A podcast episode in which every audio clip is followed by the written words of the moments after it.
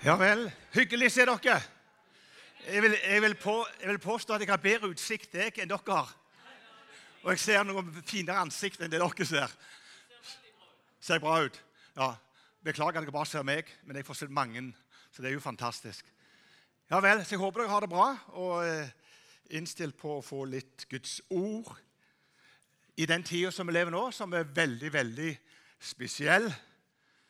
Jeg vil vel si sånn at eh, Vår generasjon har vel aldri opplevd det som skjer nå i, i samfunnet, og ikke minst i, i, verden. Og jeg må jo klype meg i, i armen litt. Grann, Lever vi i 2022? Men så tenker jeg jo samtidig på at eh, ja, vi har jo lest Guds ord. Så da forstår vi jo at det, eh, det som skjer, det er jo det som skal skje. Eh, og, og Samtidig som det kanskje var overraskende for oss, det som på en måte skjer nå i Europa og hele verden. Etter at jeg sist preka her om takksigelse i forhold til salmene så Når jeg gikk hjem den dagen der, så fikk jeg faktisk punkten til talen her i dag. Eh, og Det hadde ikke noe merke med takksigelse å gjøre, men jeg kjente ok, det temaet skal du ta opp neste gang du, du preker. Det er litt fordel å få det på forhånd, slik at du ikke bare kommer her og sier et eller annet som du trodde du skulle si. Så sånn er det.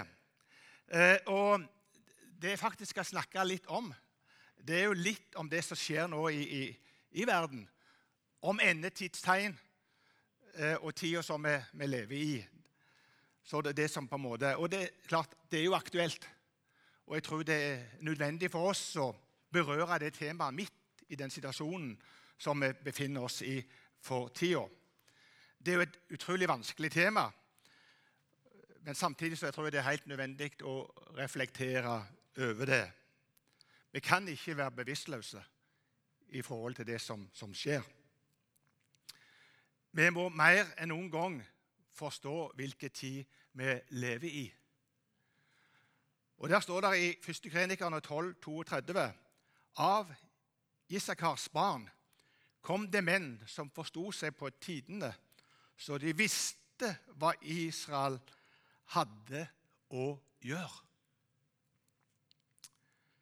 Bibelen er jo full av profetier. Eh, de er der fordi at vi skal kjenne til dem, og at vi skal forstå dem. Og ikke minst for at vi skal vite hva vi skal gjøre. Så vi trenger en bevisstgjøring nettopp i den tida som vi nå lever i.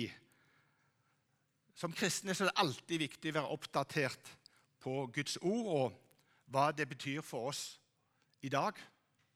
For det er aktuelt òg for oss i dag. Så Innledningsvis så vil jeg bare si det at det, det har vært mye spekulasjoner angående endetiden og Jesu gjenkomst oppover tidene.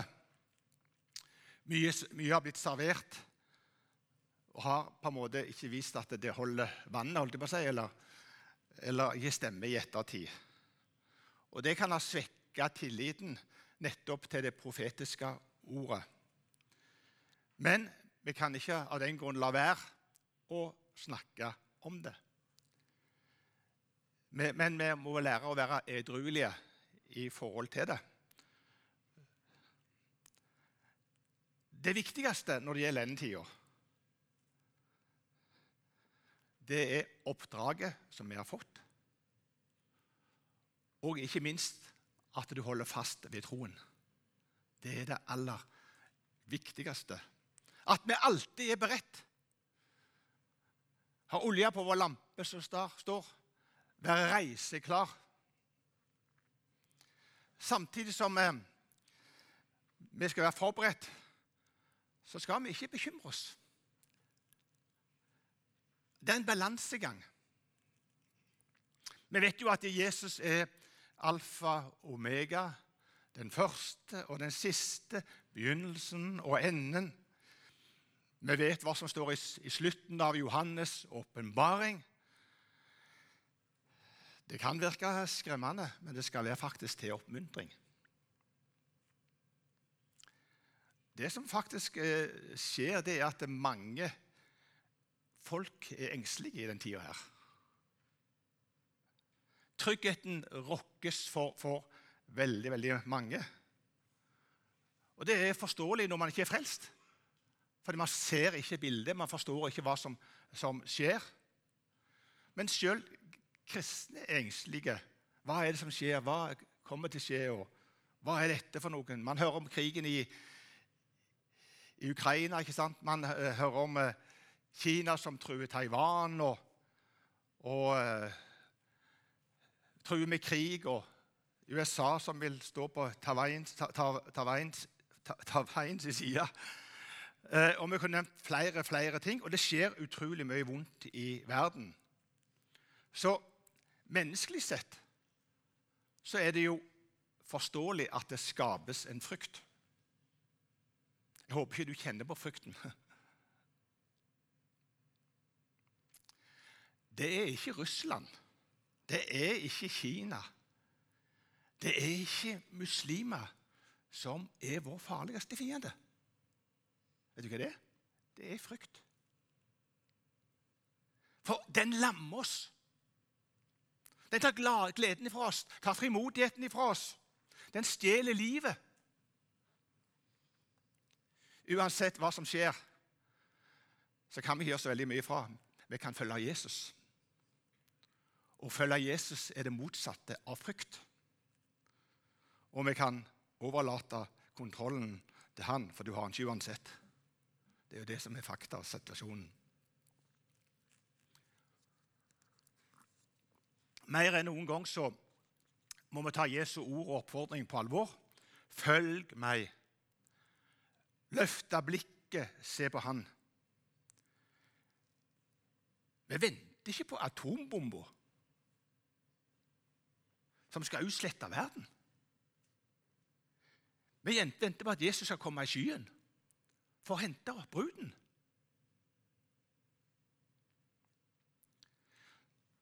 Det står at når alt dette skjer, når himmelens krefter rokkes og veldig mange, mange ting som vi skal se på senere, så står det at eh,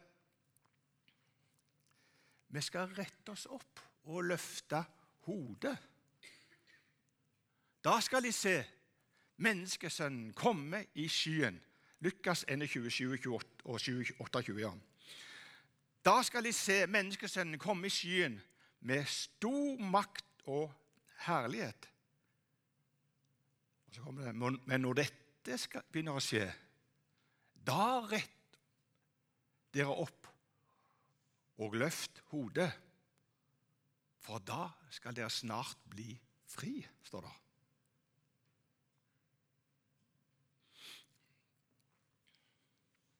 Det vi trenger, det er å praktisere alltid 'vær beredt. Vi forstår jo at hans gjenkomst nærmer seg, og vi ser konturene av det i Guds ord. og Det skal vi se litt på. Og Det er klart det er utrolig mange vanskelige eh, spørsmål som er også vanskelig å svare for. Hva er det som skjer, og hvorfor skjer det? og Har det noe med endetid, det som skjer nå, og Jesu gjenkomst og, som skjer nå? og Hva med Gog-krigen? Kommer litt tilbake til det. Hvordan er det i forhold til det profetiske som står i Bibelen? Er vi i begynnelsen av endetid, f.eks.? Hvor mye ondskap og lidelse skal det være før Jesus kommer, og før det blir fred?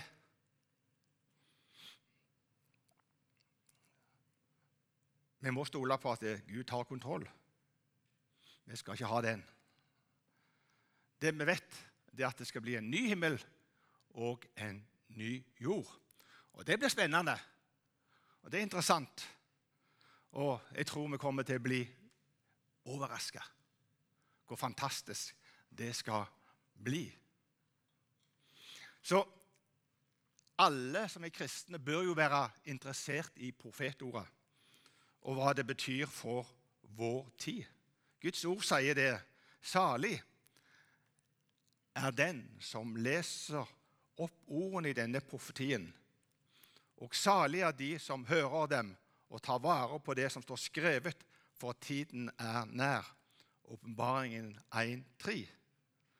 En engel fortalte Johannes hva som skulle skje i framtiden. Og det kan vi lese nærmere i åpenbaringen om. Ja, det har blitt urolig tid på kort tid i Europa. Og jeg ble overraska, regner med kanskje du ble overraska at det kunne skje. Og det har på en måte endra kanskje litt fokuset vårt.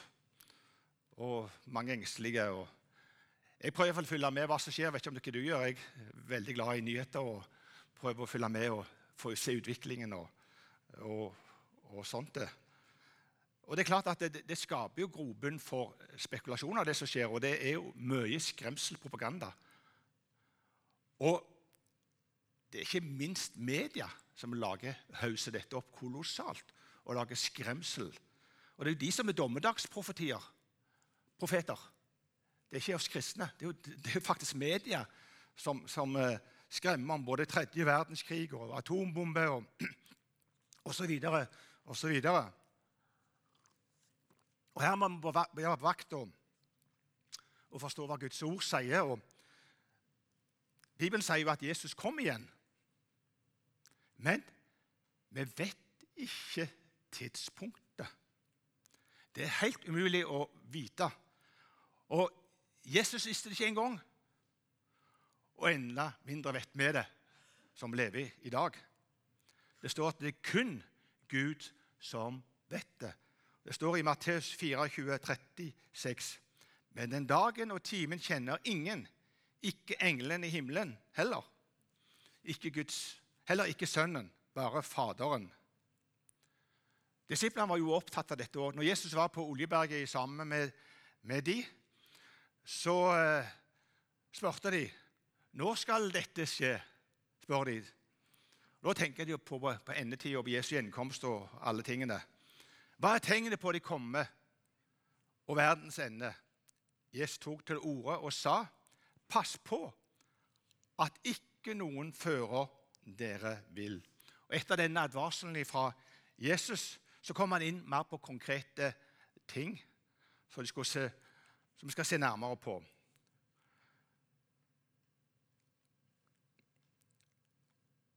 Så det var mange før òg, og på Jesu tid, som var opptatt av hva som skulle skje i den siste tida.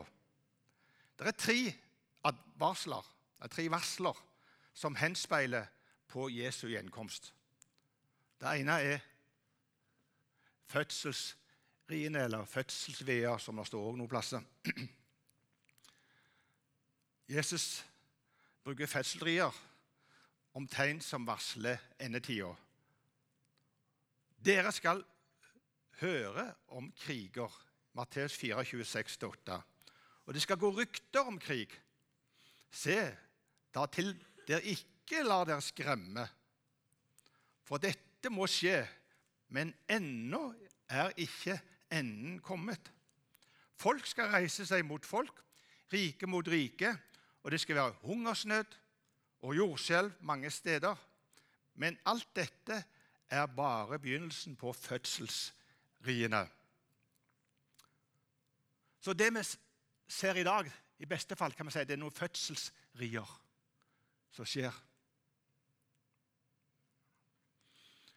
Og det er klart Vi ser jo sterkere nå enn noen gang før. Hva er det med rier? Dere damer vet jo hva rier er for noe. Vi vet ikke. Vi ser bare på uttrykket når det skjer.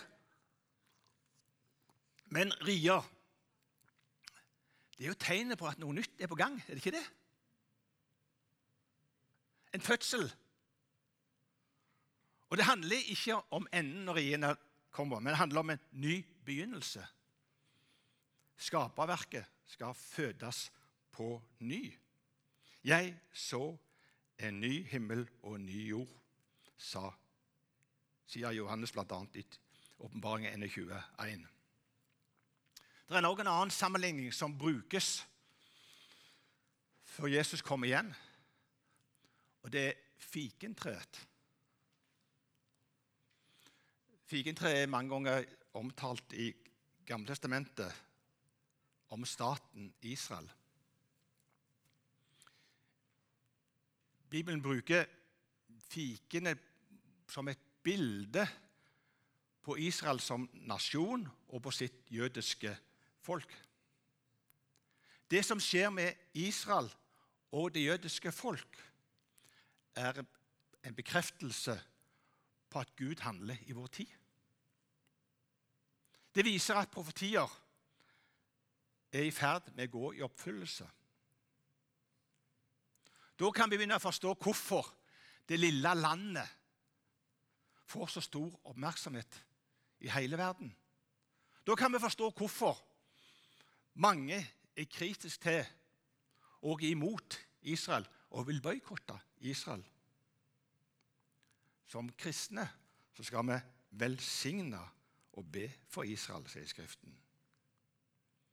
Matteus 4, 22, 30, 10, 3, 30 står der. Sorry, det var litt for tidlig.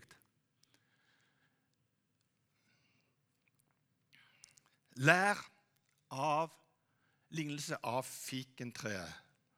Når det får sevje i greinene og skyter blad, da vet dere at sommeren er nær. Slik skal også dere vite når det, dere ser alt dette, at Han er nær og står for døren. Så ser vi òg at eh, Jesus sammenligna tida for sin gjenkomst slik det var på Noas tid. Og mye er veldig likt i dag. Hva står der? Jo, som i Noas dager skal det være når menneskesønnen kommer. For i tiden før storflommen spiste og drakk de, gifte seg og gifte seg bort, helt til den dagen Noah gikk inn i arkene. Det er ikke først og fremst at de åt og drakk at Jesus tenker her på. Nei, men at menneskene ikke brukte seg, brydde seg om de tegnene som var der. På samme måte er det i dag. Tegnene er på til stede på at Jesus kommer igjen. Men bryr vi oss? Er folket opptatt av det? Det er mitt spørsmål. Noah holdt på å bygge arken i 120 år før vannflommen kom. Tegnene var der. De ble advart. De var så vant til tegnene at de mistet reaksjonsevnen. De mista alvoret i situasjonen. De hadde lang tid til å omvende seg, men de ville ikke. Disse tre tilstandene og advarslene forteller oss på en måte om tida før Jesus kom igjen. Kjenner du deg igjen? Ser du noe av dette? Ja, jeg må bare si det. Jeg, jeg ser noe av dette. Hva gjør det med oss? Sover vi sånn som vi gjorde på Noas tid? Vi spiste og drakk, og man bygde og kjøpte og solgte og var opptatt av de tingene der.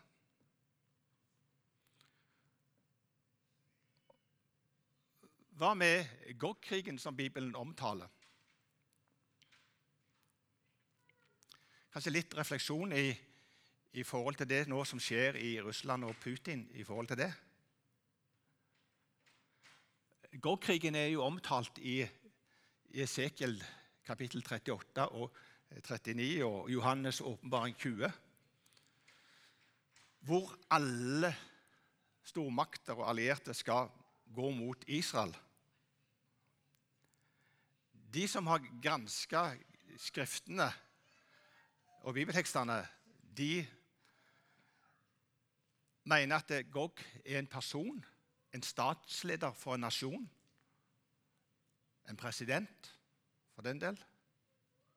Og Russland identifiseres som Gog, statslederen i Gog. Magog er et land, og vi skal ikke ta et dypdykk på det, for det går for langt i forhold til mitt hovedtema. Og vi skal ikke spekulere for mye i det. Det er det er vanskelig å tolke og forstå det som, som skjer nå i Russland og, og, og eh, Ukraina. Og Vi skal være forsiktige og ydmyke i forhold til det. Men vi vet jo at Gud har kontroll, så det er det viktigste. Gog-krigen er den store endetidskrigen. Vi ser i Åpenbaring 20 at det kommer en krig etter tusen års rike. Gog-krigen er en krig mot Israel. Og Det står i Åpenbaring 20, vers 7-8. Når de tusen år er til ende, skal Satan slippes løs fra sitt fengsel. Han skal dra ut og forføre folkene i alle fire verdenshjørner, Gog og Magog, og samle dem til strid. Og de er tallrike som havets sand. Ut fra disse versene her så kan ikke være Gog-krigen vi ser en begynnelse på nå, med Russland. Og da kan ikke hele verden gå unna med atombombe, som media er redde for.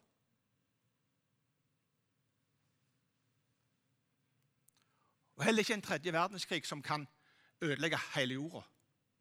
Ja, krig kan komme, og verdenskrig kan komme. Men disse saken at eh, verden blir ikke avsluttet ved at en, galning eller Putin trykker på en knapp. Det er imot Guds ord, når vi ser ikke minst dette. Og Gog, som er fra en statsleder i Russland.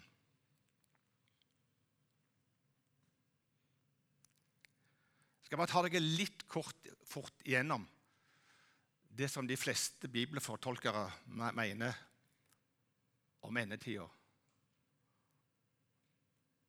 Vi som er frelst, skal først rykkes opp. Det blir spennende hvordan det skal skje på i et nu, i et øyeblikk, en oppstandelse, Jesu gjenkomst. Og så er det skal være ei trengselstid på 20 år. Ser vi? Noen litt ulike tolker kanskje med at vi skal være litt av trengselstida her og litt eh, før vi blir rykka opp. Men hovedsakelig at det vil være trengselstid etter at eh, vi har blitt rykka opp. Og Så kommer Jesus tilbake for andre gang. Og Da kommer han helt ned på jorda, vet vi. Og vi som ble rykka opp, vi som er frelst, blir mer ned på jorda. Det blir spennende. Og så oppretter Jesus sin regjering for å regjere i 1000 år, hvor det er fredstid. Da skal vi få lov til å være med å regjere i den. Så på slutten av de 1000 år som vi leste her, så skal Satan slippes løs en kort tid. Og Da ser vi at Gog-krigen kommer. Og deretter lar vi kaste i ildsjøen for alltid. For alltid. Det blir fredelig godt, altså. Fytti grisen, holdt jeg på å si. Unnskyld meg. Eh, og Så vil Jesus innlede en ny himmel og ny jord. Det evige oppholdsstedet for meg og deg som er frelst. Så vil det bli dom. Men vi som er oppskrevet i Livets bok, vi er frifunnet. For vi har jo allerede vært innenfor Kristi domstol når vi blir rykket opp.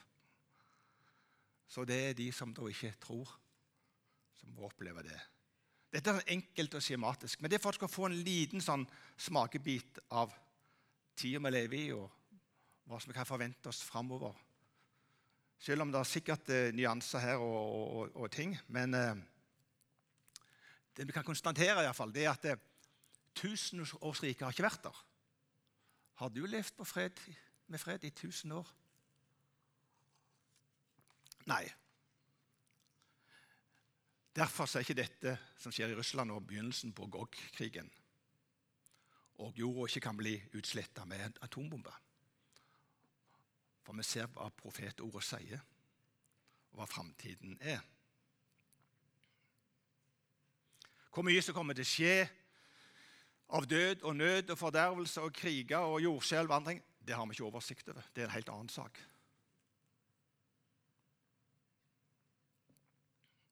Og hva som blir konsekvensen av Putin og Russland og krigen som skjer nå det, i Ukraina, det vi, vet vi heller ikke. Hva som skjer med nabolandene, Russland, Nato-landene, andre stormakter, det vet vi heller ikke. Vi skal ikke spekulere. Men vi ser det skjer jo nye ting mellom stormaktene. og Russlands utenriksminister han sier jo det at det skal gå sammen med Kina og lage en ny verdensorden. Hva enn det måtte være for noe. Men de kan bare holde på. Vi vet jo framtida. Vi vet jo framtida. Og så leser vi i Sekel 39, 6 så det er ikke tvil hva som skjer med Gog og Magog. Profeten kunngjør at eh, Gud griper direkte inn og sender en ild mot dem.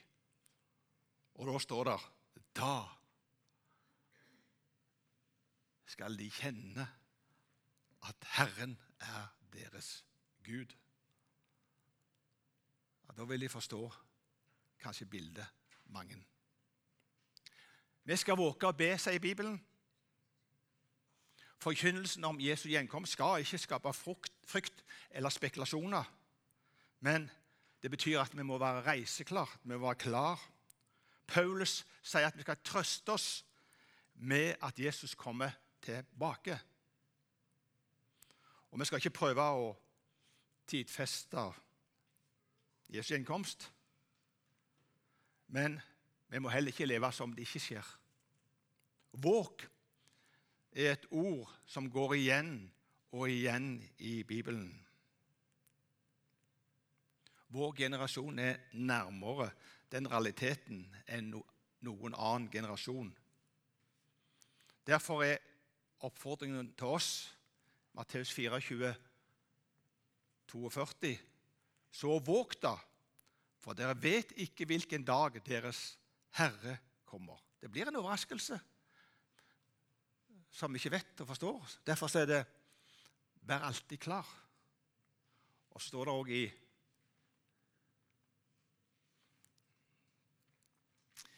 Johannes 9,4.: Så lenge det er dag,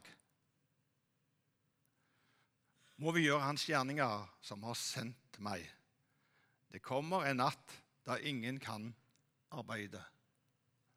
Så vi oppfordrer Vi skal ikke legge ned og bare avvente. Nå, må bare, nå kommer snart Jesus, og så Nei, vi skal bare ha det greit sjøl. Nei, vi har et ansvar til å formidle evangeliet for de som ennå ikke tror.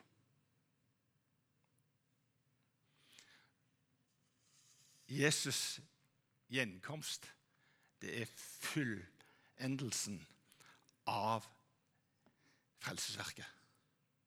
Da er det komplett. Han skal opprette et fredsrike. Og der skal vi få være med. I ventetida har vi en jobb å gjøre. Vi skal våke. Vi skal arbeide som aldri før. Det er oppfordringen til oss. Er du reiseklar? Er du reiseklar? Det er jo det som er spørsmålet. Slik at Når den dagen kommer, så er det ikke tvil om at jeg skal bli med i opprykkelsen. Jeg vil ikke inn i trengselstid og være med alt som skjer der. Jeg vil rykkes opp i et nu, som Bibelen taler om. Jeg vil ikke spekulere i tida, men vi ser jo både i forhold til fikentreet, i forhold til Noah At det, det, det er en del tegn som som vi ser helt klart konturen av. Men vi skal være klar. Så min oppfordring i dag er at eh, våg, våg å være klar. Og at ikke du blir for frykt, frykt eller engstelse i forhold til det som skjer. Det kommer en ny himmel og en ny jord. Og vi har en lys framtid. Og dette er oppmuntringsord til oss. Men samtidig så kan vi ikke bare leve som at alt var i hundre, sånn som på Noas tid. men at vi må se perspektivet av hva Guds ord sier, og hva profetiene Så jeg leser gjerne åpenbaringen for å få enda mer innblikk i det. Og Matteus 24, ikke minst, for å se litt mer perspektiv på dette. Skal vi be sammen?